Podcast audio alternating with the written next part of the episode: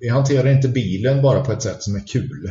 Eh, vi kör inte rallycross med den för att det är roligt och sen så skiter det i att ta hand om den. Utan, och det är samma med kroppen och knoppen. Eh, så vi måste underhålla den och ge den vad den behöver. Och glädje.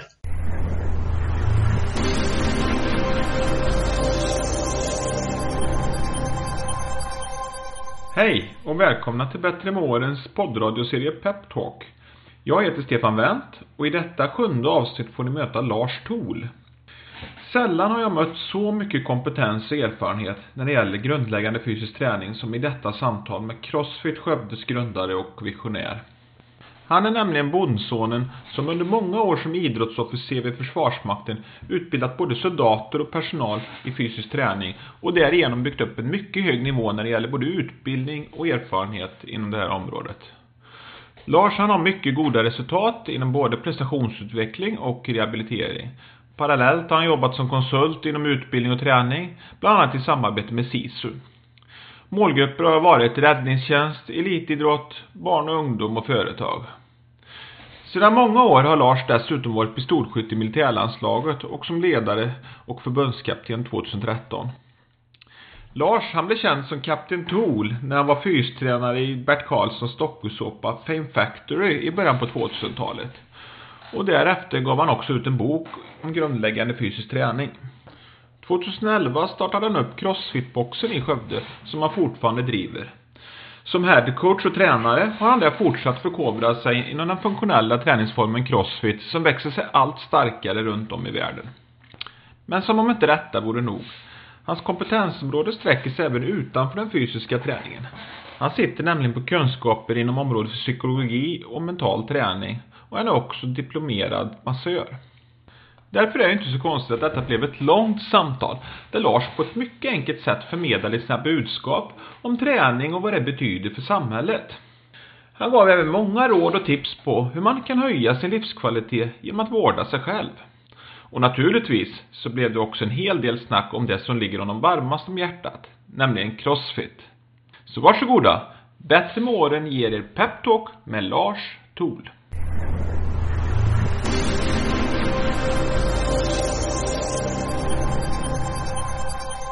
Då hälsar jag Lars Thol välkommen här, ägare av Crossfit i Skövde. Är det gymmet Crossfit eller säger man gym? Ja, alltså gym eh, det anspelar egentligen på de traditionella gymmen så att säga. Mm. Och Crossfit växte fram lite grann som en, en motpol eller vad ska man säga i, på engelska underground-verksamhet. Mm. Där man startar då i garage och hangarer och verkstadslokaler och sådär. Um, och då blev det att det kallas på engelska en box. Ungefär som eftersom lokalen var som en låda. Mm. Och, och det har blivit lite nördigt med terminologi och sådär men eh, även i Sverige då så kallar vi det en crossfit-box. Så, eh, men gym, eh, då vet ju de flesta vad det är. Men, men egentligen är det inte samma sak. Ja, jag förstår. Ja. Vi kommer att återkomma till det här med crossfit men jag tänkte först att vi skulle ta lite om din bakgrund här. Du har en ganska intressant bakgrund, eller mycket intressant bakgrund skulle jag vilja säga. Du är ju liksom ingen nybörjare i träningsvärlden om man säger så. Eh, jag tänkte om du själv kunde berätta lite om din bakgrund. Eh, hur du kom in på träning och idrott. Mm. Om vi går tillbaka uh, i tiden. Ja, precis. Det låter som jag är jättegammal. Inte, inte så riktigt farligt än. Jag fyller 46 år. Ja. Men jag började ganska tidigt faktiskt svänga in på det området. Redan årskurs 7 faktiskt valde jag bort tyska till förmån för idrottsledarutbildning. Så att det kan man nästan säga att det utbildningsmässigt startade då. Och sen ja, som många ungdomar och barn var idrotta. Eh, judo, ishockey som egentligen var huvudidrotten som jag höll på med i många år. Eh, bodde på landet, eh, körde motorcykel, lite enduro. Och sen ganska tidigt egentligen som 15-åring som komplement till hockeyn då började intressera sig för det här med att lyfta skrot som man sa då, eller styrketräning. Ja, så det, det, det har funnits med sedan, eh, sedan barnsben. Eh, men ja, uppvuxen på landet med, som bondson så man var ute och använde kroppen i olika sammanhang. Mm. Redan från tidig ålder. Där. Och sen kom du in på eh, en bana inom försvaret här. Mm. Och där har du jobbat med fysträning. Mm. Först var det en ganska normal karriär egentligen. Efter lumpen så blev jag kvar där, gick officershögskolan. Och där fylldes ju på med utbildning inom fysiologi och, och träning för att vi då skulle kunna ta hand om våra värnpliktiga. Så att säga. Det tog jag väl lite mer eh, ansvar och, och på grund av intresset och drev de frågorna.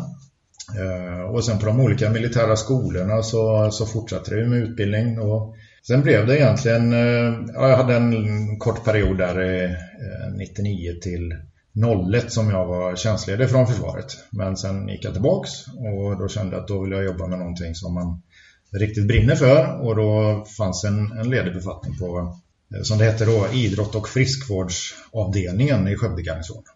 Och där var vi fem officerare som servar då hela garnisonen med idrott, friskvård, tävlingar, tester eh, och diverse projekt. Så det var väldigt brett inom det området. Där. Mm.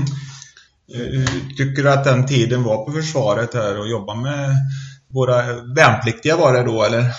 Då var det både värnpliktiga och anställda. Ja. Och både militär personal och civil personal. Mm.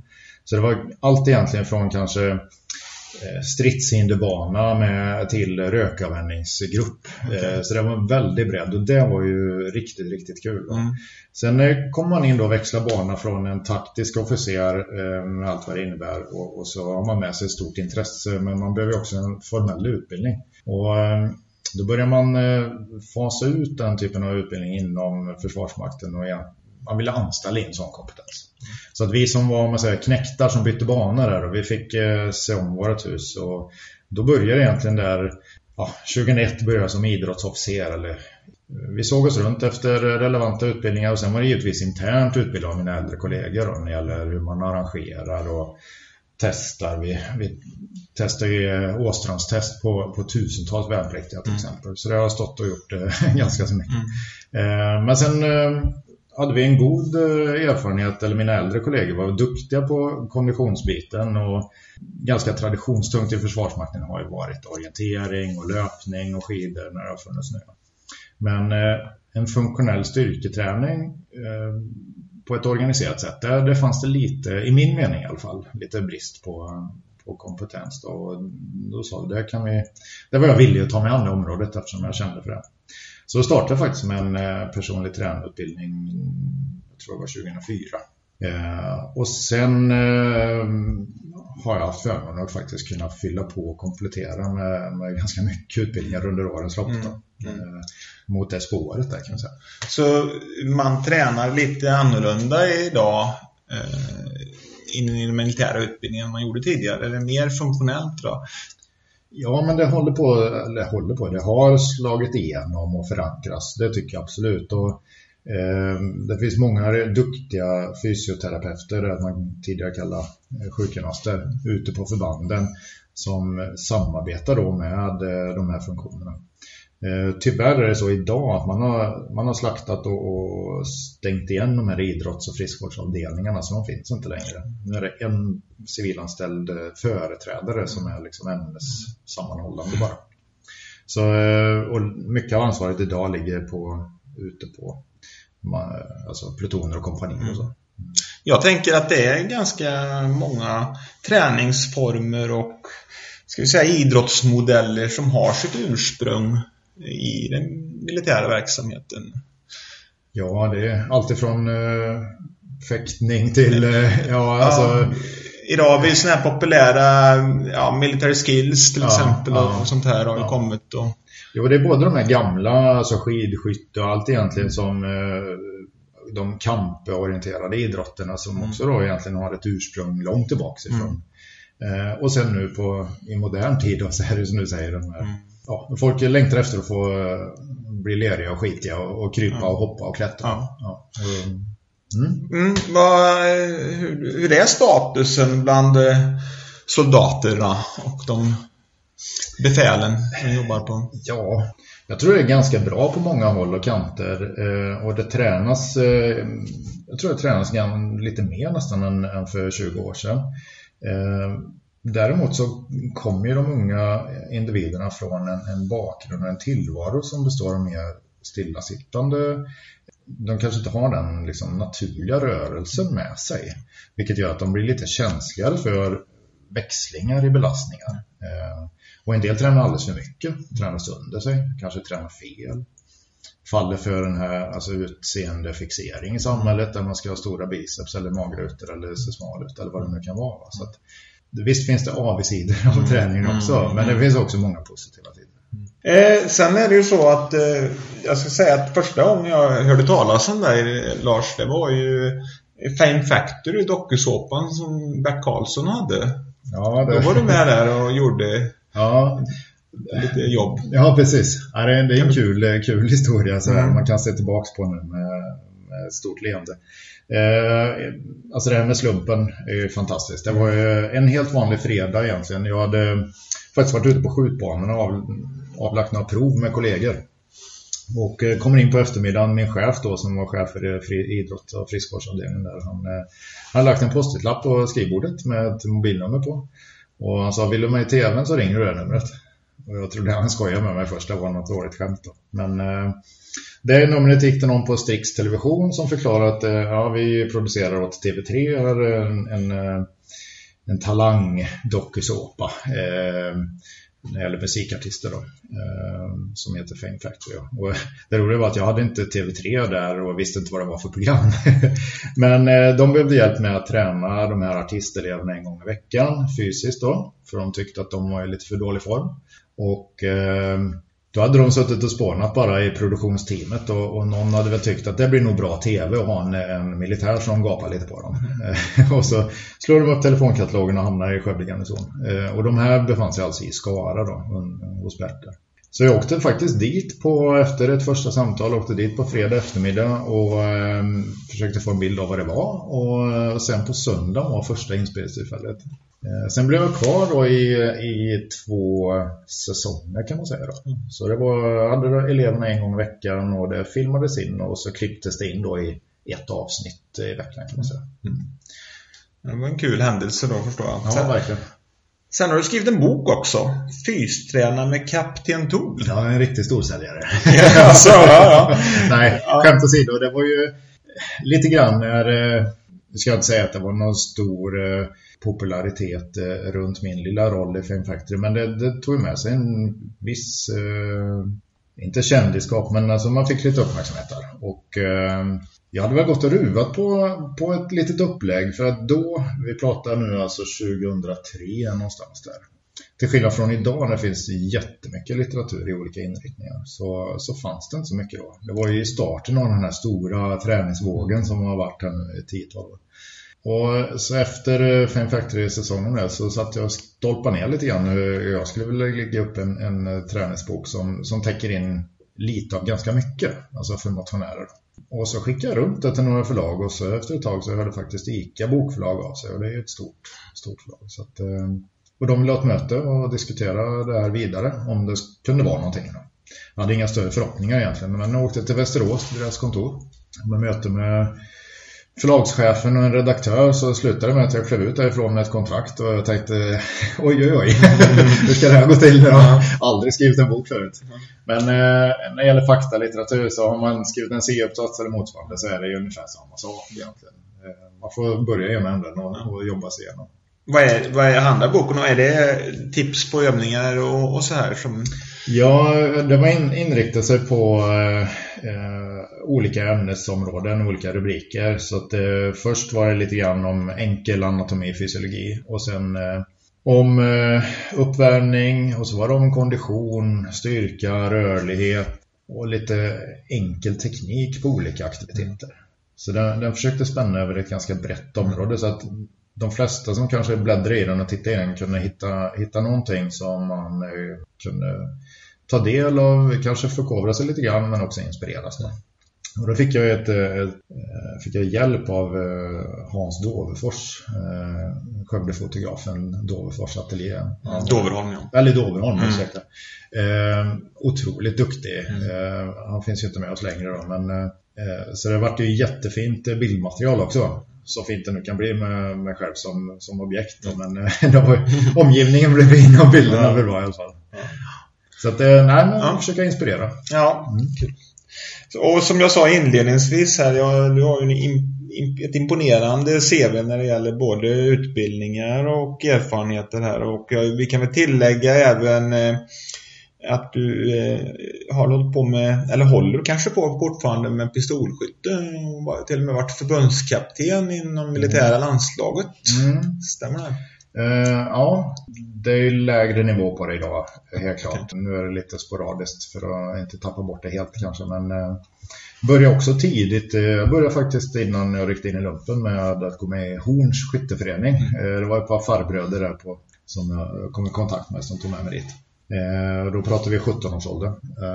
sen hållit fast i det och runt 93 när jag då efter officersskolan blev anställd på P4 så eh, togs jag upp också av äldre kollegor som är på med, med sportskytte. Och gjorde faktiskt mitt första landslagsuppdrag eh, 94 redan så det var ganska snabbt eh, därefter i Tjeckien. Och sen har jag varit eh, mer eller mindre eh, i, i det militära landslaget.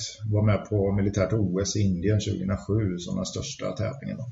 Sen eh, bytte jag lite roll eh, och blev tränare och förbundskapten Tyvärr så blev det en ganska kort tid för då kom ju det här med min, min egen crossfit-anläggning ja, upp på tapeten. Mm. Men, eh, mm. eh, så skyttet har legat mig varmt om mm. hjärtat. Mm. Eh, lite i kontrast då till det andra fysiska. Så. Ja. det här handlar mer om en mental prestation egentligen. Ja, jag tänkte faktiskt fråga dig hur det hänger det ihop? Är det tätt kopplat? Alltså, hur vältränad behöver man vara, alltså rent fysiskt, som, eh, ja, i den här typen av koncentrationssporter, eller så säga? Om du frågar mig då så tycker jag att man bör vara ganska alltså, ja. fysiskt tränad. Åtminstone när det gäller den aeroba kapaciteten, alltså mm. ha en bra eh, grundkondition så, för att kunna syresätta både hjärnan och, och kroppen. För en match håller på i ungefär kanske två och en halv timme. Där du ska vara, eh, inte varje sekund givetvis, men eh, huvuddelen av tiden så eh, måste du hålla en väldigt hög koncentrationsnivå. Sen tittar du tyvärr då på hur skyttar, eh, risk att trampa någon på tårna som kanske hör det här, men skyttar generellt i mina ögon håller en för dålig nivå på sin fys. Det är tveklöst. Okay. ja, de är oftast kanske inte så intresserade av det. Eh, är det även de som blir riktigt bra, alltså världseliten? Kan du komma upp i världseliten eh, med dålig fysik? Både, både ja och nej. Sen finns det en, vad är dålig och vad är bra? Ja. Alltså, allting är relativt. Du behöver ju, för att vara en bra skytt så behöver du inte vara tränad som en, en skidåkare eller en friidrottare. Det, så är det ju. Men eh, om du tittar på även Håkan Dahlby som vi, vi vet, han kanske inte ser ut som någon jätteatlet så, men Eh, han tränar ändå mer än vad han tror mm. faktiskt fysiskt för att orka hålla ihop. Mm. Sen är det inte bara för att kunna hålla koncentrationen och fokus under tävling utan det är faktiskt för att kroppen ska tåla all träning. Mm. För det är ganska slitsamt att stå och ta, och monotont, och stå och ta rekyl in i axeln till exempel och sånt där. Så att bara för att undvika slitage och, och belastningsskador så behöver du träna mm. som, som skytt då, så att säga. Och om vi går vidare på din eh, breda lista här så läser jag också att i ditt CV här att du är diplom, diplomerad massör. Mm. Det var det någonting som blev under försvaret också eller var ja. det eget intresse? Ja, både och där faktiskt. För att eh, jag minns faktiskt inte när jag gick på min första massagebehandling själv men upplevde att eh, det här var ju riktigt bra. Och det var en, eh, en gedigen eh, massör som inte la, eh, hade några silkesvantar utan man fick eh, sina muskler behandlade så att spänningar släpper och även ganska tidigt prova på triggerpunktsbehandling. Det vill säga man genom pressur då eh, trycker bort onda knutor kan man säga ju längre och djupare jag kom i arbetet som fystränare så insåg jag att det är ett väldigt bra komplement. Eh, och fick min arbetsgivare att skicka mig på en utbildning. eh, så att jag tog ett första sånt grundsteg och sen byggde jag på lite grann med just triggerpunktsutbildning och, eh, och lite andra komplement. Så sen, det där handlar mer om att få en känsla också så man måste stå mycket vid bänken mm. för att bli en bra massör. Så det är inte bara den formella Nej. utbildningen. Står det kvar vid bänken? Ja, men faktiskt. Ja. Eh, fakt ja, idag har jag gjort två behandlingar. Alltså, ja. det, det, har du som en tjänst då i mm. din nya verksamhet? Ja, ja, precis. Hur kommer det sig att du tog det här steget att hoppa av sen då, den militära banan och, och satsa på ett, en egen verksamhet då, Crossfit Skövde? Mm. Så det är, det är det bästa jobb man kan ha i min, tycker jag då, som jag har haft i Försvarsmakten de sista åren. Eh, så alltså jag har jobbat i, sen 2001, det blir 16 år, har jag jobbat heltid med träning, hälsa, tester, alltså allt runt det området. och haft möjligheten att vidareutbilda mig kontinuerligt. Så eh, jag kan inte säga något ont om det och det är egentligen ingenting som har drivit mig från att lämna det så. Eh, däremot så har det funnits ett litet frö där om att någon dag när man blir stor får, får prova vingarna själv då, fullt ut och, och göra det, forma verksamhet som man själv vill ha det och liksom kunna erbjuda alla, inte bara då den organisationen man jobbar för i Försvarsmakten. Det var intressant att höra eh, din bakgrund där. Jag tänkte vi skulle komma in och prata lite när jag har dig här. Eh, lite allmänt om träning och fysisk aktivitet och så vidare. Måste passa på nu känner jag. Eh, som sagt, du har ju väldigt mycket utbildning och lång erfarenhet då från fysisk träning. Eh, vi har ju en ökande träningstrend i samhället och haft nu under en tid här. Vad, vad tror du det beror på? Att det växer så starkt? Ja, en bra fråga. Mm. Jag vet inte om det finns något enkelt svar på det. Mm. Alltså, sådana som du och jag tycker ju det är jättepositivt givetvis. Mm. Men om vi försöker ringa in några saker. Att det är ju, överlag så har vi mer stillasittande mm. Eh, tillvaro. Både, man kan faktiskt titta till många människor tyvärr. När de går ur sängen så blir det att man sätter sig vid bordet och äter frukost. Man sätter sig i bilen och åker till jobbet. Man sitter på jobbet. Man sätter sig i bilen och åker hem från jobbet och många sätter sig i tv-soffan eller vid middagsbordet och, och, faktiskt tillbringar större delen av vaken tid, mm. kanske i sittande position. Ja, jag, läste, jag, läste faktiskt någonstans att eh, svensken sitter i snitt nio timmar om dagen. Mm. Så det är vissa som givetvis drabbas mer av det än andra. Mm. Och sådär. Men, eh, men det är väl en faktor att, att många känner man har ett behov av att röra. Vi är gjorda för rörelse. Mm. Är, ja. Och vi mår bra när vi får röra på oss. Mm. Så det är väl en, eh, en anledning. Sen, eh, jag vet inte, det, myntet har ju två sidor. Det finns ju också en, vi nämnde det lite kort förut, just det här med utseende och prestation och Eh, det finns en sån sida av det att helst så ska man eh, göra karriär i sitt jobb. Man ska vara en, en bra make och hustru. Man ska ju resa sig i jordens alla hörn och, och mm. man ska vara vältränad och sådär. Va? Så att det är klart att träningen har åkt med lite i den där som jag ibland kan tycka är lite prestationshets mm. också. Och, och som sagt det finns två sidor av det. Och även eh, utseende kan ju vara en, en, drivande faktor till att folk rör på sig. Har man bara lite balans och distans i det så kan det vara en positiv drivfaktor eller källa till, till motivation. Så det måste inte vara dåligt. Men det eh, är ibland en hårfin skillnad. Jag förstår precis. Ja. Mm. Det är ju så att eh, vi ser ju mycket mer av de som tränar i med sociala medier. De, de syns ju. En fördelning som jag har det kan ju vara så att vi har en stor massa också som inte syns, som kanske inte rör på sig. Så totalt kanske inte vi tränar eller rör på oss mer egentligen nu. Utan vi, precis som du säger, i och med att vi har så mycket stillasittande. Ja, men jag, jag har läst lite om eh, studier som visar på att, eh, att klyftorna tyvärr växer. Man har pratat mycket om ekonomiska klyftor i samhället tidigare kanske och, och så vidare. Men eh, om vi pratar klyftor kopplat till hälsa och, och, och, träning så, så säger forskarna att de som tränar, de tränar mer. Och de som inte tränar kanske om möjligt tränar ännu mindre. Att man tar ställning mm. antingen för eller emot. Då. Och, alltså, det är sån uppväxt som jag hade som var alldeles perfekt. Men ute på landet, man leker och, och man klättrar och man, man gör en massa saker med kroppen utan att behöva kalla det träning. Sen finns det ju spontanidrott som man efterfrågar bland barn och ungdomar idag eh, som då ersatts av, av, kanske mycket annat. Så det där mellanskiktet eh, tror jag blir mindre. Eh, jag kan ta ett exempel från mina första kullar av värnpliktiga. Jag har en kille som oerhört fältstark kallar man det, alltså någon som, som klarar av eh, skogslivet eller ute i fält väldigt bra. De, de tål mycket och orkar väldigt arbetsamma. Och han hade inte ett gnutta fett på kroppen och han var stark och han, han, med ett leende så gjorde han det som behövdes alltid.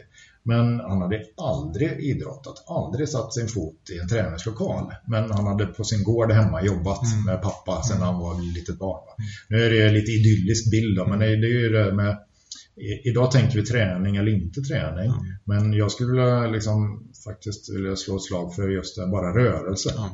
Man behöver inte gå in i ett gym, man behöver inte vara i ett löpspår heller. Men med rörelse, mm. det är oerhört viktigt alltså. Jag tror det gäller fler att för, få fler att förstå. Mm. Har du några tankar kring hur vi ska få då som den här massan då, för de är nog rätt många då som mm. eh, inte rör på sig överhuvudtaget knappt. Och hur ska man få dem att resa sig ur soffan? Har det blivit för kanske för komplicerat idag att man tror att man måste ha utrustning och man måste in på gym och sådär. Ja, men det kan nog ligga lite i det faktiskt. Och sen är det ju så att man kan se på träning på många sätt, men, eh, men eh, på ena, ena kanten, eller på ena sidan, om vi tänker det myntet igen, på ena sidan så har vi det vi eh, Alltså det är lustbetonade och det roliga och det är ju oerhört viktigt. för Det ska kännas i huvudsak kul att träna. På andra sidan så, så håller det inte att bara göra det som är kul heller faktiskt. Om man inte ser rent tekniskt och hälsomässigt och funktionsmässigt. För eh, hur kul än du tycker det är med om jag som skytt, om jag bara skulle stå och tillverka tomhylsor här och, och sådär och sen så växer magen och jag får dåliga knän och ont i ryggen, då, då är det inte det så bra. Utan vi måste ha en bra balans. Då. Mm. Precis som vi, vi, vi borstar tänderna för annars vet vi att det har ett pris och det blir inget bra för vår hälsa. Fast det är inte det roligaste vi vet kanske. Men vi gör det. Och likadant är med träning. Jag tror att det gäller att komma till insikt att vissa saker måste vi göra för att kroppen ska få må bra. Och då handlar det både om rörelseapparatens leder och muskler och framförallt hjärta och lungor med syresättningen och få en, en bra balans där. Och icke att förglömma rörlighet också. Så eh, plocka in sånt som, som man har brister i men också samtidigt hitta glädjen. Ja. Och där, där är en väldig balans. Ja. Ja. Eh, och det har man ju sett att det, det som folk tränar mest på det är det de tycker är roligast. Och det de tycker är roligast det är det de är bäst på. Ja, och, och, det är något som jag i alla år liksom försökt att verka för att eh, ta tag i några av de där tråkiga grejerna som du inte är så bra på. Vänd dem till något kul. För det är ofta så, om man, gör man det jobbet och den insatsen och helt plötsligt så upptäcker man nya världar av jätteroliga grejer som när man väl kan det lite grann. Mm. Jag glömmer aldrig mitt första pass på längdskidor. Det var mest fruktansvärda jag varit med om. Mm. Bakhalt, ingen teknik, eh, liksom allt var... Jag kunde inte förstå hur människor kan hålla på med det. Men redan efter eh, liksom några gånger va, så eh, man lärde sig valla lite bättre, man fick en grundteknik. Mm. Och, och idag det är fantastiskt med längdskidor. Men det kräver lite, det kräver en insats i starten. Ja, jag tror också det som du säger att eh, eh man säger ofta att det måste vara kul. Nej, det kanske inte alltid måste vara kul utan eh, ibland eh, kan man få skörda frukten lite senare kanske ja, på något sätt. Precis. Ja, jag håller faktiskt med om det. Eh, träningstrend sa jag förut. Vi, vi, kopplar gärna ihop och säger tränings och hälsotrend och kopplar ihop träning och hälsa. Är det alltid samma sak anser du? I huvudsak så är det ju det, men sen finns en brytgräns. Mm. Och den, eh, vi brukar säga elitidrott är ju sällan friskvård. Men då handlar det om något annat. Då är det kanske en människas yrke och profession att vara elitidrottsman eller kvinna. Eh, och de pressar sig så till det yttersta så att det är ju, och det finns många exempel som, som trillar över Elofsson med flera. Mm. Eh, och då är inte det något bra exempel på hälsosam verksamhet när man tränar sig så att man blir sjuk. Då. Men det är ganska i procent sett så är inte det så många egentligen av all tränande, alla tränande människor som, som trycker sig dit. Mm. Eh, däremot så är det ju den, det mentala förhållningssättet till träning som, som stressar och gör folk oroliga att man inte ska duga till och vara tillräckligt snabb eller tillräckligt stark eller eh, ha tillräckligt många likes på, på sin prestation på någon social media och sådär. Eh, så det är väl en grej som har tyvärr vuxit om vi ska se på negativa sidor så, så som det fungerar idag. Liksom, mm. Det informationssamhället. Ja. Mm. Har det blivit mycket fokus också på det här med eh, kost och kosttillskott och sånt där tycker du? Eller? Ja, jag vet inte riktigt hur det ser ut. Eh, det är olika, olika områden, olika grupper. Mm. Alltså har vi alltså bara styrketränande unga killar de, de, och jag själv varit tillhört en sån kategori. Men jag tror att det, idag är det så lättillgängligt och det finns så mycket och det är en enorm marknad. Det finns människor och, och, och företag som tjänar stora pengar på att eh, anspela på de behoven att snabbt få resultat. Det här med tålamod idag är ju lite av en bristvara. man ska snabbt nå dit och snabbt få de och de resultaten och det är klart de säljer på det. Mm. Och då behöver det inte vara direkt. Det finns negativa, eller liksom nästan farliga saker också. Framförallt något som kallas för PVO, pre-workout. Eh, kosttillskott som, som ska höja din energinivå men som egentligen är eh, i vissa, vissa eh, produkter så är kraftiga stimulanser i då, fortfarande lagligt mer eller mindre. Vi hade efedrin för några år sedan som sen förbjöds för att eh, eh folk med kanske ovetande om vissa hjärtfel och så eh, blev väldigt tufft drabbade. Så att, eh, visst finns det avigsidor med sånt som är farligt eller mindre bra. Men sen finns det också sånt som, som eh, är ganska ofarligt om det används med sunt förnuft. Då. Vanligt vassleprotein. Om man blandar ut en milkshake med, eh, med ägg och banan och förstärker med lite extra protein efter ett långt tufft pass för att man är, kanske inte hinner att laga mat förrän om ett par timmar. Ja men då är ju inte det, alltså då, då är det helt okej. Okay. Mm. Men eh, att hoppa över den vanliga maten och trycka i sig en massa kosttillskott som man inte ens vet vad det innehåller. Det enda man gör då det är att leverera pengar i, i någons börs. Ja, det måste vara väldigt svårt att hitta rätt i den här djungeln och veta, ja. att, uh, veta varför du tar det ena eller andra. Då, ja, ja. Du behöver vara ganska påläst. Ja, eh, och sen så är det ju ja, det är olika syften också. Alltså, mm. Det finns ju så många olika inriktningar, både för mm. konditionsidrottare jag, menar, jag, jag själv upplevt effekten av en gällepåse i slutet av Vasaloppet. Alltså den är ju fantastisk. Man blir som en ny människa på, på någon minut där va? Eh, ihop med lite kaffe. Mm. Så att, alltså, allt är inte dåligt. Men det gäller ju att ha en, en kunskap och förståelse då. När ska jag använda vad mm. och i vilket syfte? Mm. Och så veta också vilket man inte ska ta i överhuvudtaget. Mm. Även om det kan vara lagligt så behöver det inte vara bra för dig. Mm. Någonting som jag har tänkt på det med träningstrender. Det är det kommer ju hela tiden nya träningstrender och har gjort och nu kanske det kommer mer eh, i, högre frekvens, ännu mer högre frekvens än det gjort tidigare. Då. Eh, på något sätt så känner jag att man till slut kommer man ändå tillbaka till den gamla hederliga gymnastiken där den en gång började med Ling och de här. Mm. Är det någonting som du håller med om att det finns en bas någonstans? Ja, ja. men visst är det så. Och det, och framförallt tror jag, nu kan man nog inte hitta på fler, eh, ja det är klart man kan, men ändå sinnrika eh, attiraljer och, och, och fräcka utrustningsprylar utan och man får inte så himla bra resultat av det heller. Utan eh, jag tycker det är en väldigt positiv, om vi nu ska kalla det trend då, eh, som har hållit i ett par år, är att man backar tillbaka till de gamla hedliga grunderna. Och det är mycket det jag jobbar mycket med idag, som det heter Crossfit, det är ju det är precis vad det bygger på. Eh, det bygger på tre områden. Konditionsträning i intervallformat, och det är fria vikter och det är gymnastik. Kan man säga att det främsta syftet med crossfit kan vara att klara sin vardag på ett bra sätt, eller? Ja, grundaren till konceptet är en amerikansk gymnast mm. som heter Greg Glassman som är 50-årsåldern. Han råkade ut för en eh, allvarlig olycka i sin idrott. Eh, om det var från barr eller var det ringar eller något så han, han kraschade i marken och, och bröt höfter och grejer. Och så gick över till en tränarkarriär. Och eh, då tog han sig an eh, olika idrottare och även yrkeskategorier som brandmän och sådär. Och han, han såg att eh, just grundfysförmågan, den här allmänna grunden, är att oavsett vilken idrott du ska hålla på med så är det bra att ha en viss grund. Då. Och där tyckte han att ofta det brast. Då. Man kanske hade gått för snabbt på specialisering i sin idrott eller vad det nu och då under flera år så utarbetade han eh, eh, sin syn då på hur en sån grundträning skulle kunna se ut. Och då plockade han givetvis in sin erfarenhet från gymnastiken.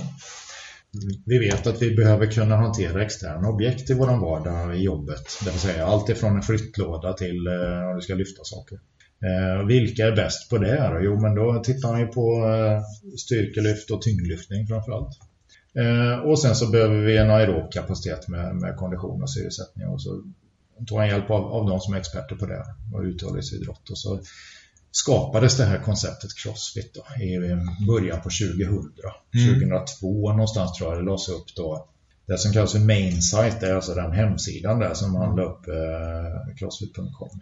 Så Crossfit, om man ska definiera vad Crossfit är, så det är både ett företag och en träningsform kan man säga. Ja, eh, precis. Och det är ju ett varumärke som är skyddat då. Mm. Så eh, i, i, mitt fall som, som driver en anläggning då, för att kunna få använda det här ordet ens då, Så dels behöver jag vara utbildad eh, av dem och godkänd och förnyas. Jag gjorde det nu senast i december. Här.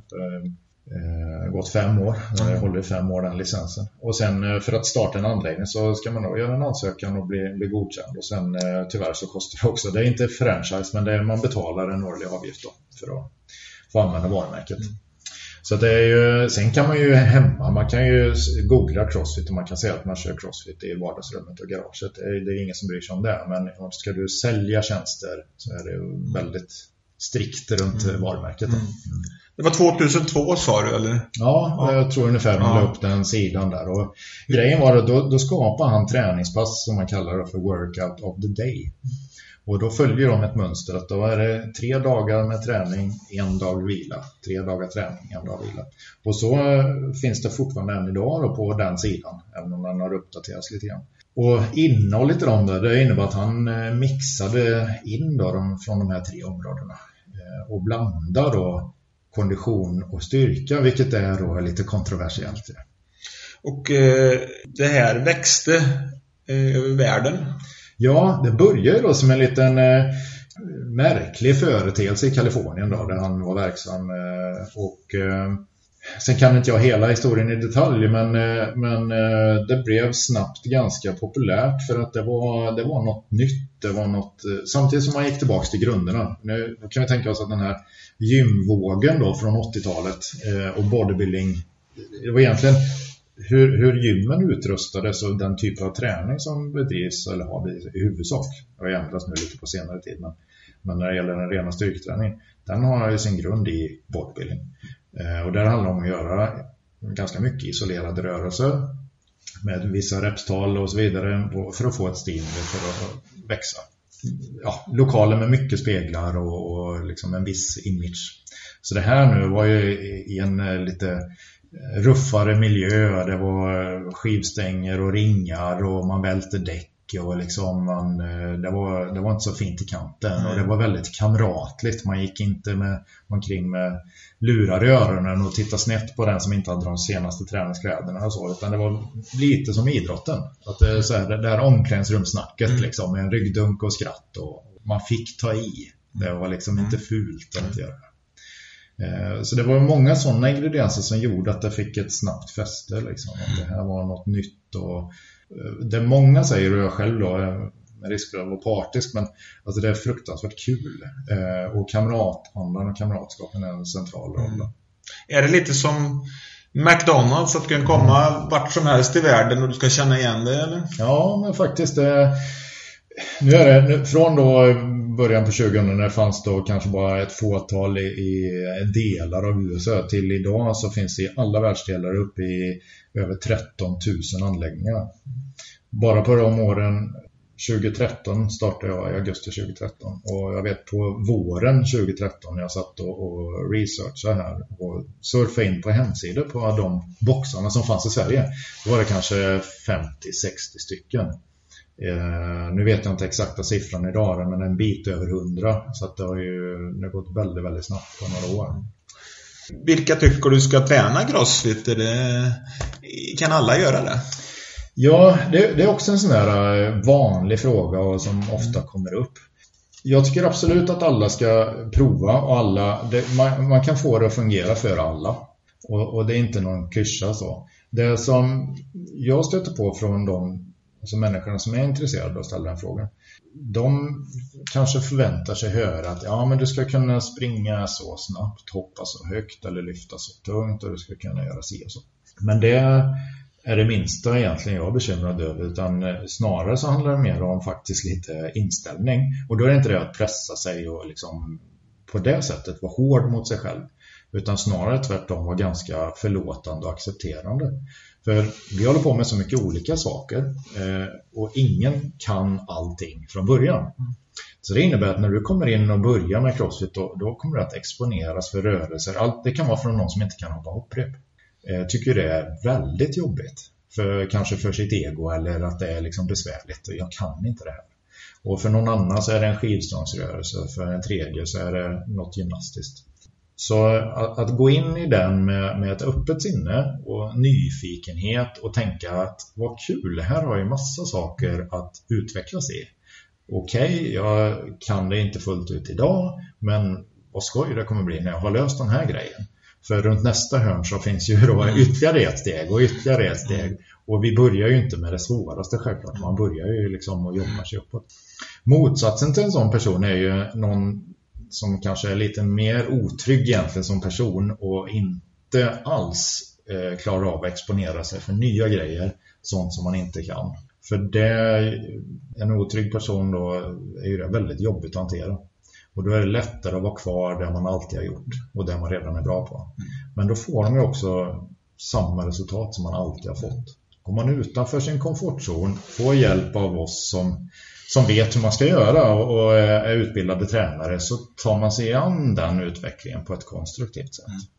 Mm. Jag brukar lyfta upp en, ett exempel, en medlem, hon, och jag har hennes tillstånd, jag behöver inte säga ett namn då, men just den storyn i alla fall är okej okay att berätta. Och en kvinna som eh, faktiskt eh, hade två barn och råkat ut för en stroke. Hon kom in och sa berättat att jag fortfarande sviter av, av, av det tillståndet. Jag kan inte lyfta händerna över huvudet. Jag kan inte se mönstrade mattor för att bli yr. Och det var liksom en rad begränsningar. Men oerhört öppen och, och härlig människa och sa men det här med crossfit verkar ju kul. kan jag börja eller? Och då, då erkänner jag att jag inombords suckade lite grann och tänkte oj oj oj hur ska vi hantera det här? Men eh, peppa peppa det har ju gått otroligt bra. Det är nu snart tre år sedan och den här personen är med och gör i princip allting. Och hon, eh, hon är oerhört glad att, att hon tog det steget. Det är inte min förtjänst utan det är hennes inställning och hennes eh, attityd. Sen ger jag henne rätt verktyg i rätt ordning. Ja, det är en grundfråga om alla kan göra det. Ja. ja, ja. men det kräver ett öppet sinne och ta det i rätt sak i rätt ordning. Mm. Mm. Gör man inte det, men då kan det bli tokigt som med alla andra aktiviteter. Om någon kommer till dig och nu ska jag ställa upp ett maraton här och så säger inte du att ja, starta med, med fem eh, milpass på asfalt i veckan här. Någon som aldrig har sprungit. Alltså de kommer gå sönder direkt. Sunt förnuft. Vilka är grundövningarna om man säger? Finns det några basövningar som Crossfit utgör? Mm. Eh, egentligen så, så grundas det i, i sju funktionella basrörelser. Och då pratar vi om trycka, dra, eh, lyfta, böja, alltså man eh, jobbar med höften, eh, rotera och sen har vi eh, gå och springa också. Och eh, det är egentligen utifrån de här eh, grundläggande funktionella rörelsemönstren så kan man då applicera olika typer av rörelser hämtat då från gymnastiken och, och, och fria vikter och så. Men eh, om vi tar i kända träningsövningstermer då, så är det ju marklyft får ju en del att, att rygga baks. Liksom. Men det har jag hört är farligt. Det, det, då går det av på i ryggen och sådana saker. Jag hävdar motsatsen. Om man inte lär sig att lyfta någonting från marken på ett bra sätt och skaffar sig lite säkerhetsmarginal muskulärt, då är risken jättestor att man får problem i framtiden. Och det spelar ingen roll om du lyfter en låda på jobbet eller ett barnbarn i trädgården eller vad det är. Eh, så det, det, ser jag nästan som en liten sån livsmission att lära folk att lyfta korrekt. Alltså vi pratar lyftteknik som du applicerar varje dag. Att kunna säkra sitt mittparti. Så att lyfta på olika sätt, eh, att knäböja, eh, lära sig det. Mycket rörlighet inblandat i det. Sen har vi utfallssteg som är en fantastisk funktionell rörelse. Speciellt kopplat till, är du löpare så är det definitivt en bra rörelse.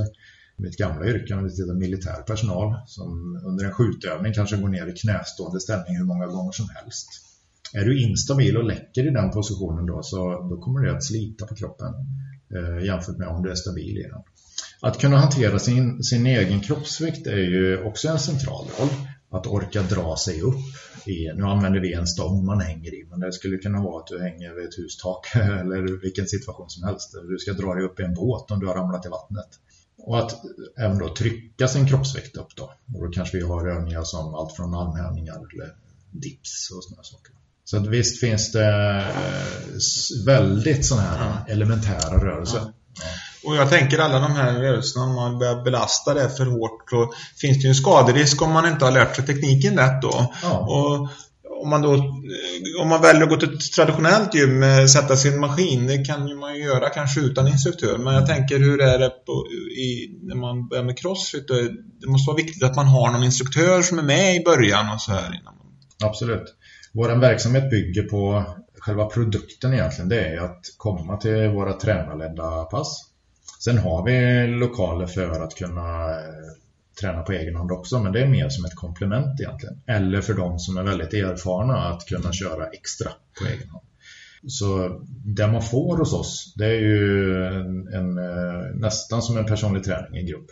Nu, är vi, nu har vi ett tak på 16 personer i ett pass och det är en tränare, så det låter ju som om man kanske inte syns så mycket, men då är vi...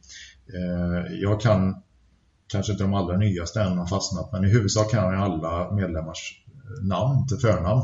Jag lär mig också känna om de har vissa begränsningar. Någon gammal fotbollsspelare har ett knä där och någon har en axel där och sådär som man har med sig in då. Och då kan jag ju lägga mer fokus på de som är ny när det gäller en teknik eller har något gammalt bekymmer eller, eller någon nytt som man kan trampa snett eller vad som helst. Så det funkar faktiskt riktigt bra då, att guida dem i, i rätt riktning. Och det är jätteviktigt. Mm. Eh, vissa övningar är mindre krav på det och andra är det desto större krav på. Så det är lite blandat beroende på vad vi gör. Mm. Alla nya träningsformer, det finns ju alltid kritiker. Mm. Någon kritik som jag har hört mot Crossfit och det är att man blir, bra, man blir inte bra på någonting. Mm. Hur bemöter du det? Ja, men det, det bemöter jag med att det är sant. Ja, okay. Fast då är det en fråga, en definition vad är bra? Ja. Allting är relativt. Ja.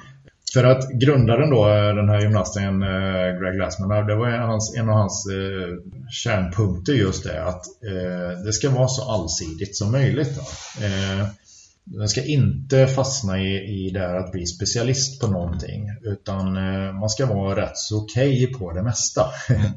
Eh, och sen är det ju en, en, en utpräglad specialist kommer alltid vara bättre på just den grejen.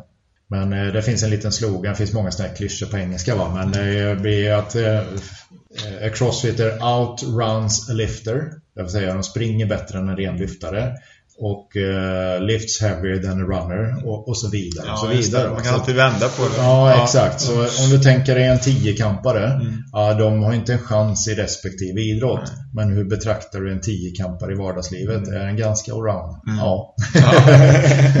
det är bra. Och man, delvis har man löst detta genom att eh, numera körs det tävlingar i Crossfit också. Mm. Så att eh, det har blivit en egen tävlingsform då. Ja, och eh, jag brukar också säga till de som börjar och, och blir nyfikna och kanske googlar eller youtubar crossfit så är det ju stor risk att man ser då tävlingsatleter på proffsnivå som gör saker som en motionär aldrig kommer att göra förmodligen.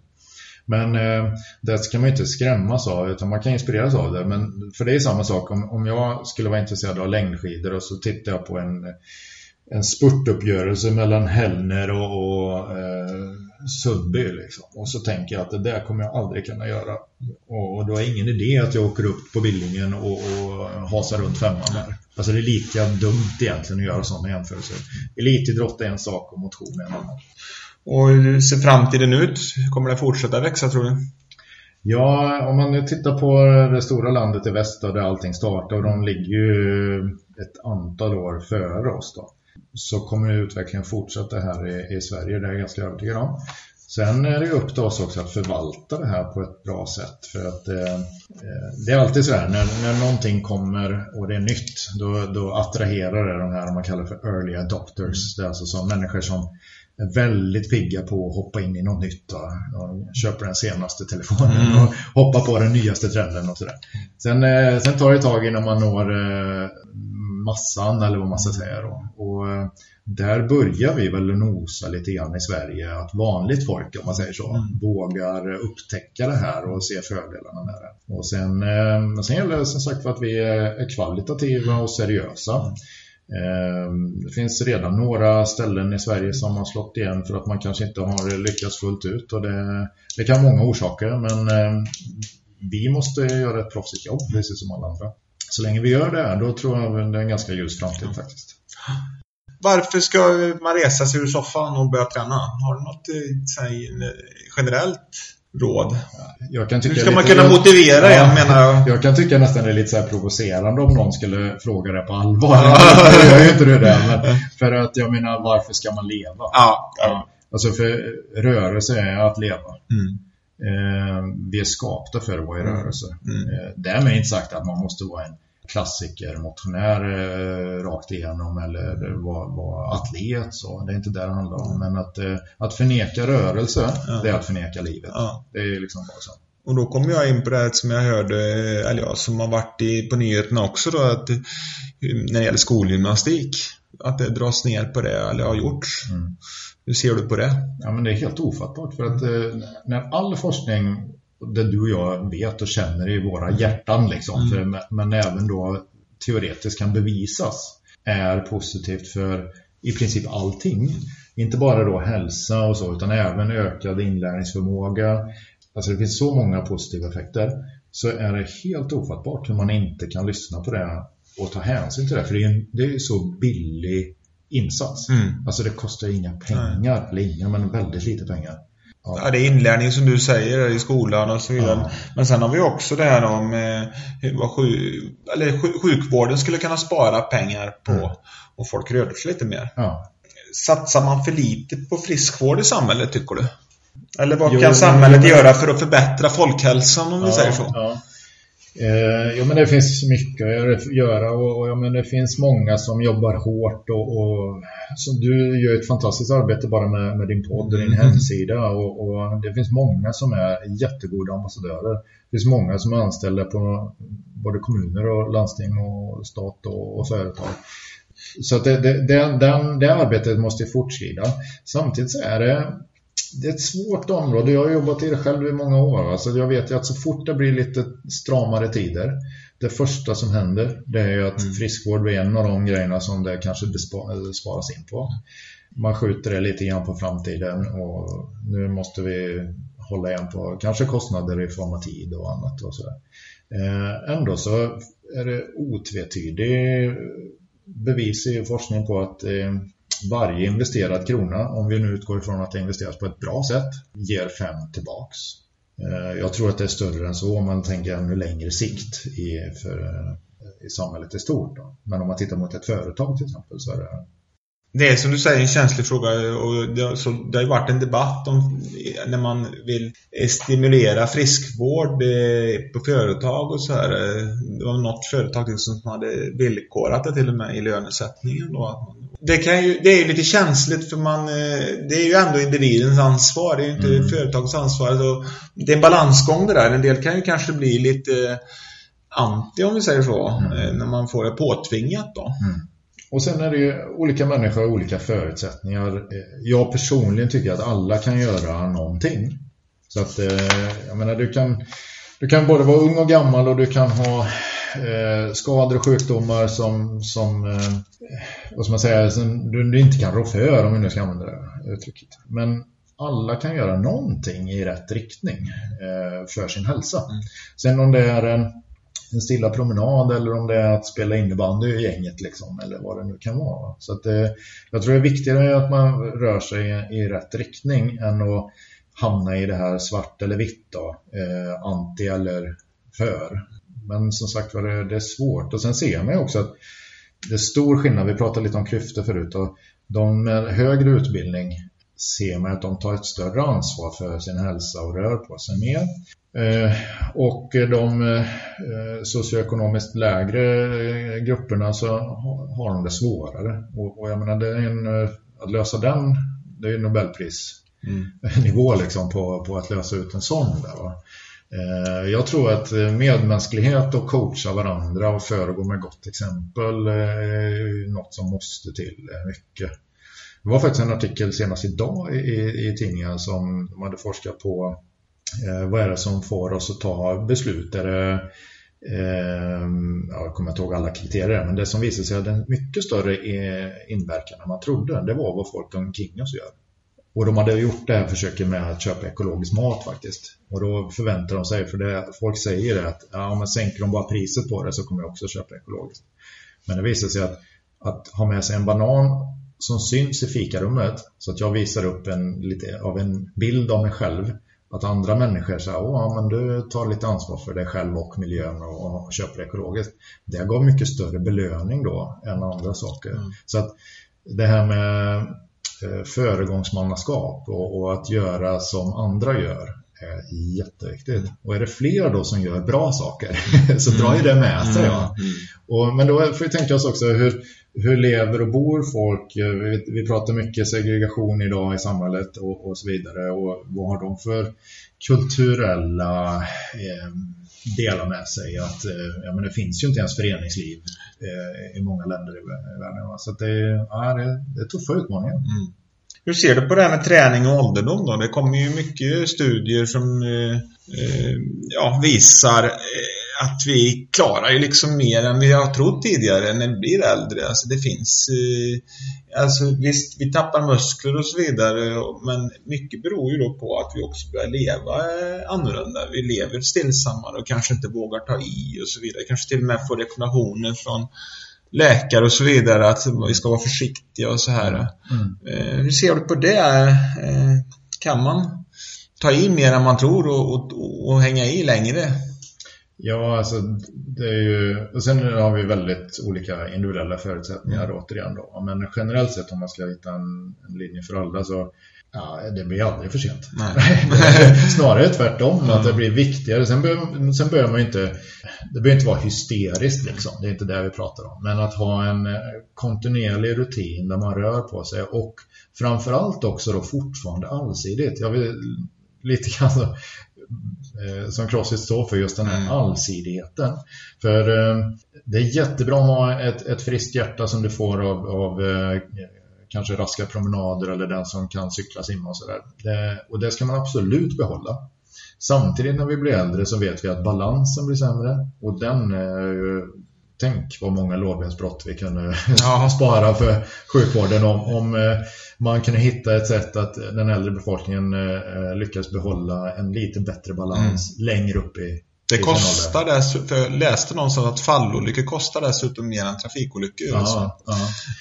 Och, eh, så vi har ju, vi har, det behöver inte vara det att man måste vara något unikum eller liksom eh, bete sig som en, en 30-åring fast man är 70 utan det är, det är ganska enkla medel som får jättebelöningar för när man blir äldre. Mm.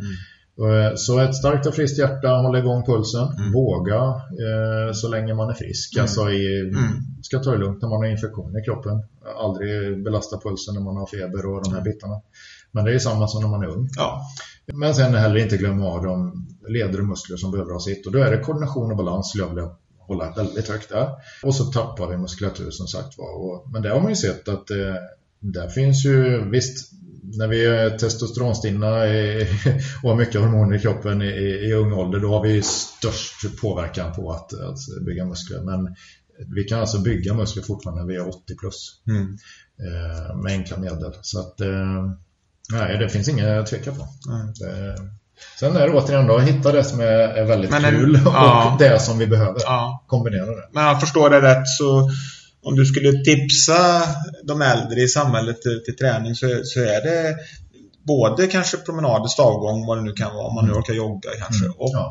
komplettera med styrketräning då. Ja, absolut. Så man... Ja. Och rörlighet. Rörlighet, ja. För det, med, det behöver inte vara gamla för att vara stela i kroppen. Mm. Det, det kan jag intyga själv. Alltså. Men eh, rörlighet gör mycket för att har du, när du blir begränsad rörlighetsmässigt så eh, ja, dels kan du påverka dina positioner. I, i, jag pratar mycket hållning med mina klienter eller kunder. Rörlighet över en led påverkar hur, både funktionen i leden och även eh, hur den tål belastning. Så att hålla igång en god rörlighet är eh, oerhört underskattat hos många, om man säger vanliga motionärer. Mm. Och där finns ju många sätt. Man kan, eh, man kan ägna sig åt klassisk stretching om man vill. Men sen finns ju fantastiska aktiviteter som yoga i olika former. Eh, jag har haft duktiga yogainstruktörer som har gästat min anläggning och kört med mina medlemmar. Och eh, det, finns, det finns ju mängder av olika former. Så det behöver inte vara de här jättefysiska när du står upp och ner och sådär utan eh, alltså rörlighetsträning, mm. balans och koordination mm. och sen hålla igång dina muskler och hjärta. Och då tänker jag rörlighet, det var ju väldigt stort med stretching, alltså mm. statisk stretching när det mm. kom. Mm. 80-talet eh, någon gång. Mm. Eh, nu är det mer ifrågasatt. Eh, mm. Vad säger du om stretching? Alltså den, ja. man står och trycker och... Nu, nu, är det fortfarande inte vad jag har förstått, det är inte forskarvärlden överens än. Men om vi som enkla människor ska försöka sortera i den informationen där för och emot då. Så det de flesta säger i alla fall att om du vill kunna prestera med eh, maximal spänst och explosivitet då ska du absolut inte ägna dig åt passiv stretch innan en sån. Och tänk dig en kulstötare om man skulle stretcha passivt hårt innan då skulle de prestera sämre.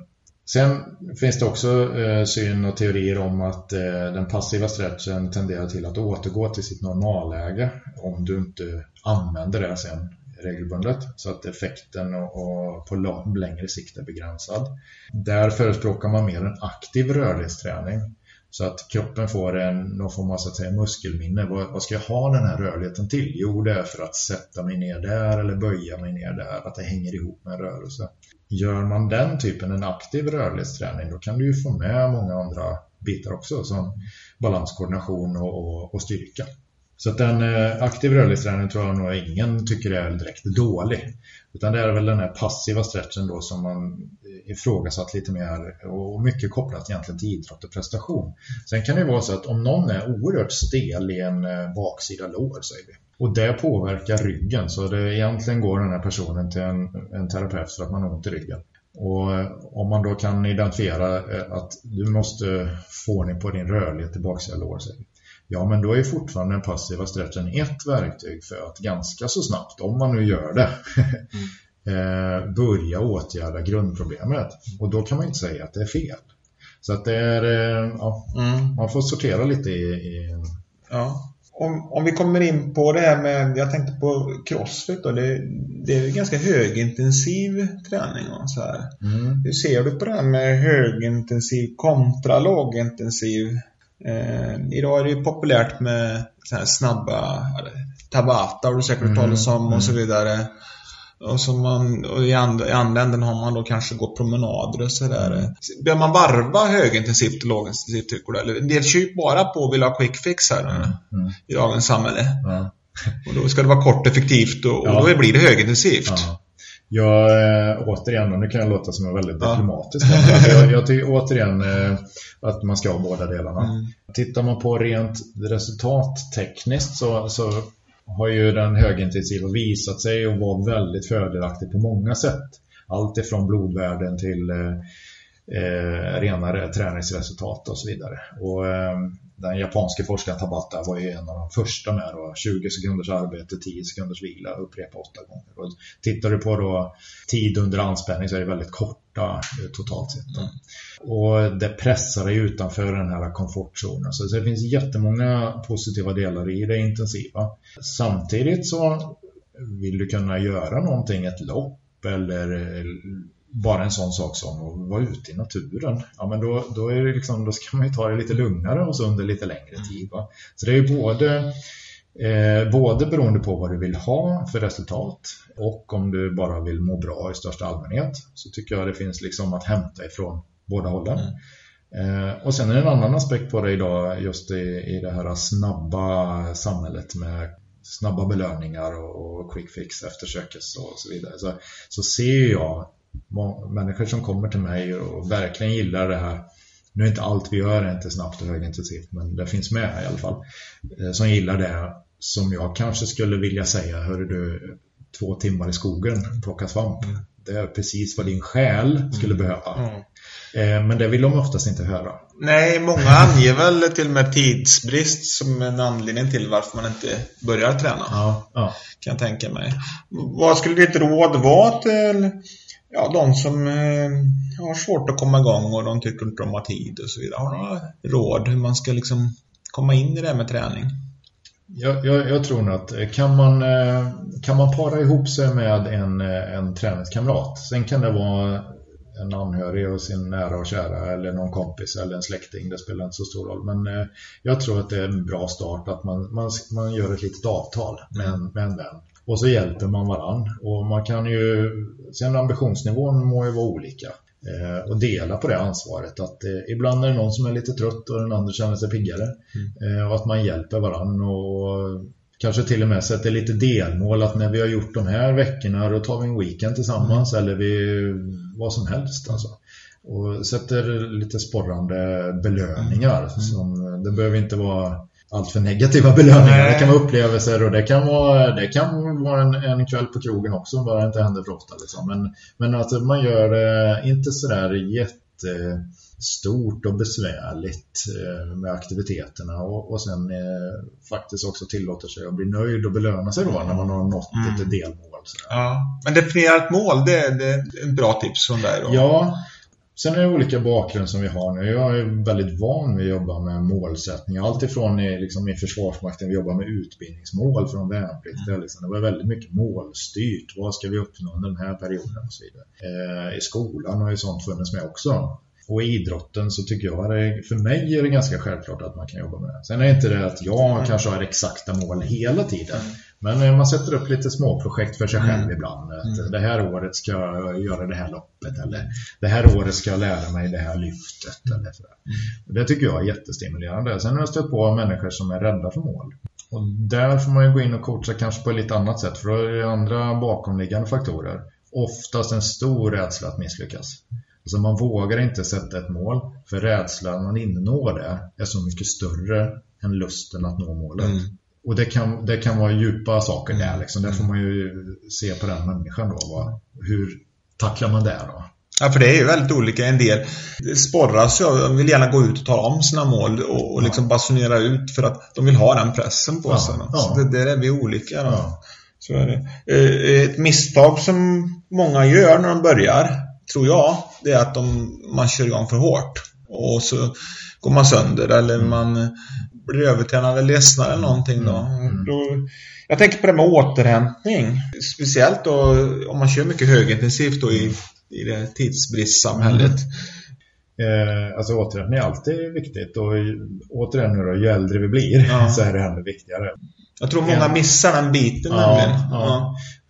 Och det är bara, det är bara att titta rent eh, fysiologiskt på det så handlar ju träning om nedbrytning. Om, om det är så att det är en alltså lite hårdare fysisk träning. Det, då bryts vi ner till viss del för att kroppen ska svara med en superkompensation. Det vill säga cellerna känner att oj, nu händer det något som, som var ovant och det blir ganska tufft för oss. Eh, så finns det då en funktion att eh, för att möta det stimulit bättre nästa gång så, så blir en kompensation i förmåga om man bygger upp sig i kroppen. Mm. Eh, och det är så träning funkar, liksom, mm. väldigt enkelt uttryckt. Så vi måste bryta ner oss lite grann. Men sen är det nödvändiga vilan och återhämtningen för att få uppbyggnaden. Mm. För det är under vilan som vi reparerar oss och vi, vi växer och blir starkare. Då skulle vi inte göra det, då blir det en nedåtgående trappa istället. Mm. En, en, negativ kompensation mm. så att vi blir sämre och sämre och sämre. Vila, finns det något sätt att snabba på äh, återhämtning? Där man kan börja själv då, det är ju definitivt att, att se till att, att få i sig bra näring. Mm. Sova bra. Alltså mat och sömn, det är ju mm. två grundbultar i återhämtningen. Mm. Man pratar om ett ätfönster efter ja. träningen. Mm. Kan du säga någonting om det? Egentligen så, eh, det senaste som jag skrivit kopplat till styrketräning nu framförallt så är det ju, ska du helst börja äta under passet. Men det man vet att när du då, om du tränar ganska så hårt oavsett egentligen om det är kondition eller styrka så Alltså den här katabola nedbrytande processen börjar ju liksom under träningen när du blir riktigt trött och du börjar bli lite sliten. Och om du då inte hjälper kroppen att ladda på med vätska och näring så, så är det katabola fönstret öppet lite längre. Och det vill du stänga då så att det blir anabolt, det vill säga uppbyggande, så snart som möjligt. Sen behöver det inte vara att det är en helgstek direkt efter när du gått i mål, men du behöver ju ha någonting i. Om det sen är en frukt eller om det är en en shake eller du har något annat lättillgängligt. Så. Och sen eh, då har du köpt dig lite tid för att kunna fixa med din matlagning. Mm. Sen återigen då, är du en, en, enkel motionär som har joggat 5 km så du, du behöver du inte vara orolig för att du inte får i dig en proteinbar nej, efter 30 nej. sekunder. Liksom. Utan eh, ja, det är lite olika nivå på det också. Mm. Men att överlag eh, få i sig bra näring och, och sova sina timmar. Ja, det är mycket bra råd. Jag känner att tiden går här nu men jag måste ändå, jag kan komma in lite på det här med huvudet också. Jag läste du har psykologi, psykologiutbildning och du har även en liten utbildning i mental coaching. Mm. Det stämmer va?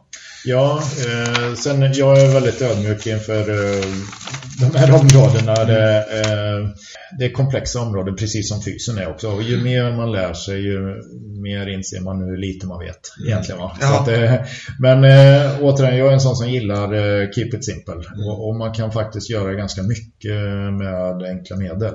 Så man behöver inte vara någon superraketforskare för att få för att börja jobba med olika saker. Eh, när det gäller mental träning så är jag fullt med då i, i skytteträningen då, eftersom det är en väldigt mental sport. Så för mig själv har jag använt det på olika sätt. Jag började med avslappningsband eh, tidigt 90-tal där och sen eh, har gått lite olika utbildningar eh, inom både kommunikationslära och eh, eh, mental coaching och neurolingvistisk programmering, NLP och, och sånt där. För att, bara för att jag tycker det är så intressant mm. och så kul. Men där är också en, en eh, skillnad mellan mental friskvård om vi använder det. Va? Och sen har vi psykiatri och, och, och, behandling, det är något helt annat. Mm. Så jag är definitivt på friskvårdssidan. Mm. Eh, mår man dåligt och utbrändhet med sig, då ska man söka professionell vård givetvis. Mm. Eh, men vissa eh, delar är ju alltid gemensamt. Det kan vara hur man ser på sin självkänsla, sin självbild och självförtroende och hur hanterar man nervositet och, och, och där, eh, där kan man komma en bit på väg genom att faktiskt bara eh, få ventilera och samtala runt det och lägga på lite enkla övningar och verktyg. Så det är väl den, den ramen ja, jag har. Så att säga. Precis. Och sen prestation så tänker jag att du kan ju vara hur vältränad och hur bra fysisk form, form som helst men vi har ju någonting som heter inställning och så vidare och mm. pannben och vad, mm. vad vi nu ska kalla det. Ja, ja. Eh, det är ju minst lika viktigt. Eh, man kanske inte pratar lika mycket om det utan man pratar mest fysisk träning. Då. Mm. Hur mycket betyder inställningen? Det kanske är svårt att svara på men det, är den underskattad? Ja, men det tror jag absolut. Det, det vi ser ju det många gånger i idrottens värld. Och det finns ju en, eh, en gammal klyscha där att inställning slår klass. Eh, och, och det, det, ser man exempel på ibland. Det är ju så att hjärnan och, och, och eh, din mental, ditt mentala tillstånd eh, sätter ju graden för, eller gränsen för vad du, vad du kan göra egentligen. Eh, nu är inte det bara att man bestämmer sig för att vara starkast i världen så blir man inte det givetvis. Men väldiga potenta resurser vi sitter på i, rent mentalt. Och, jag tror, men sen är det så att det är inte så konkret va? och vi är alla olika. Så att det, det, går inte att lägga upp en mall heller. Menar, du kan lägga upp ett löpträningsprogram för någon som är mer eller mindre matematiskt. Du lägger på eller sänker krav på några procent varje vecka eller distansen ökar några procent varje vecka. Det går att göra nästan ett färdigt schema och, och väldigt många kan följa en sån. Men när vi pratar den inre världen så är det, det är svårare att sätta på ett papper, mm. det är svårare att sätta en färdig mall. Vi har mycket olika med oss och, och olika personlighetstyper. Till och med vart är du född i ordningen i en brödra syskonskara påverkar. Så att det är ju, men det är ju också det väldigt, väldigt spännande. Eh, vissa har lätt för det, de är alltså talanger när det gäller mental mm. förmåga. Och andra får ju kämpa och slita med att komma upp till en hygglig nivå mm. ur ett mentalt perspektiv. Ja, det, det är ju, utmanande. Ja, för jag inbillar mig att du kan ju vara två personer kan vara lika trötta om man säger det en mil på Vasaloppet. Den ena mm. lägger av och den andra biter ihop då. Mm. Då är det ju pannbenet eller så här huvudet som, ja. som avgör. Mm. Och det kan ju vara samma sak som om en del ger sig ut i ur och skur och tränar. En del ids inte göra det. Nej. Det är också i huvudet. Mm. Kan, kan, man träna upp det här pannbenet? Eller, och hur, hur gör man det? Ja. I så fall. Jo, men det är jag helt övertygad om att man kan. Och då tror jag att för varje litet steg du egentligen bevisar för dig själv att du klarar av, då höjer du din lägsta nivå kan man säga. Mm. Så att, eh, jag menar, om, om du aldrig hade utsatt dig för något obehagligt, då kommer du inte vara lika förberedd när, när, att möta ett obehag. Men har du gjort det gradvis, då, det, det handlar inte om att utsätta sig för trauman här, utan gradvis bevisa för sig själv att det här obehaget, den här utmaningen i lagom dos, den, jag klarar faktiskt av det. Innan kanske jag var tveksam, men ja, jag fick ett kvitto, jag fixade det. Nästa gång, ja men då kanske man tar ytterligare ett litet steg till och klarar det. Och det kan vara enkla grejer att jag, jag orkar springa 5 kilometer. Eh, nästa gång ska jag orka 7,5 eller vad det nu kan vara. Eller jag klarar av att bestiga Kebnekaise. Alltså det är på olika nivåer. Va? Eh, eller ta sig ur tv-soffan. Jag klarar det. Mm. Jag bytte om. jag klarar det. Alltså, det är på olika nivåer, samma mekanismer. Eh, och när du bevisat för dig själv att det funkar då kan du titta framåt och så tar du små, små, små steg. Och på det sättet kan du faktiskt träna upp en förmåga. Då. Sen har ju vissa lätt för att göra den här resan lite snabbare och andra så går det långsammare och det tar emot mer. Ja, ja det är jätteintressant. Men eh, nu tänkte jag att vi skulle runda av lite här Lars. Eh, och då tänkte jag att vi skulle köra tio snabba som jag brukar göra. Och det går ju till så då att jag säger tio ord och så får du helt enkelt ta vad som kommer upp i huvudet. yes. Du är med? Ja. Ja, men då börjar jag. Friskvårdsbidrag. Att inte fler använder dem. Mm. Det brinner inne så många. Banta. Känns väldigt omodernt. Neg negativ klang tycker jag. Mm. Träningsplanering. Underskattat. Eh, borde göras av fler. Mm. Samtidigt så är det ju, eh, finns det petimetrar som fastnar i, i, i, tabeller och papper och pennor och, och procent och siffror och, istället för att bara köra. Yoga. Tänk om alla kunde göra yoga, då hade vi haft ett friskare samhälle. Jag, jag, är ingen, jag är absolut inte duktig på yoga själv och gör det inte så regelbundet som jag vill, men jag tror stenhårt på det. Alltså. Mm. Eh, jättebra, verkligen. Får du lyfta in i din crossfit-box. Ja, jag, jag har det som sagt en gång i veckan. Det, ja. det skulle vara mer. Ja. eh, Lars-Erik Unestål. Oj, ja, en, eh, en världspionjär som är svensk då, inom idrottspsykologin. Och han, han är pappa till många uppseendeväckande forskningsresultat där man bevisar hur stor effekt eh, man kan få ut av eh, det vi pratade om förut, mm. inställning och, och mental förmåga. Mm. Mjölksyra. Gött. det räcker så. Proteintillskott. Eh, kan vara eh, behövligt för vissa. Eh, men som sagt var, det ska vara ett tillskott och det ska aldrig ersätta riktig mat. Eh, pulsklocka. Samma sak där egentligen. Eh, ett, ett bra hjälpmedel och framförallt kan det vara kul. Samtidigt så återigen då, fastnar man i alla accessoarer och tillbehör och, och finesser då är det lätt att man glömmer av grunderna. Mm. Uppvärmning. Oj, jätteviktigt. Fler, mm. eller alla, borde bli bättre på att värma upp. Och ju äldre vi blir är det ännu viktigare. Och sen avslutar vi och säger den svenska idrottsmodellen. Eh, unik, som vi ska vara oerhört stolta över och glada över. Alltså det, det ideella engagemang som, som föreningslivet i Sverige enligt idrottsmodellen gör, det är ju som sagt det är unikt. Mm. Och, och, att vi som ett så litet land kan hänga med både på bredd och topp inom så många idrotter, det är ju faktiskt rätt fascinerande. Mm.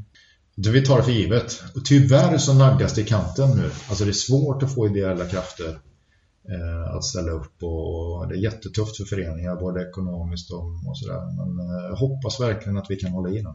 Mm. Ja, det var inte så mycket intressant det här. Eh, tycker du att har jag missat någonting tycker du? ja, du kan sitta här i tio timmar. Ja, jag känner det också. Men om vi säger så här då, är det någonting du vill tillägga eller något budskap du skulle vilja skicka med till lyssnarna här? Nej, men jag, vill, jag vill trycka på det här äh, myntet med två sidor. Vi har ena sidan med, med lust och glädje. Det, det måste få finnas, absolut. Satsa på det som, för det är det som blir av. Det är det roliga som blir av.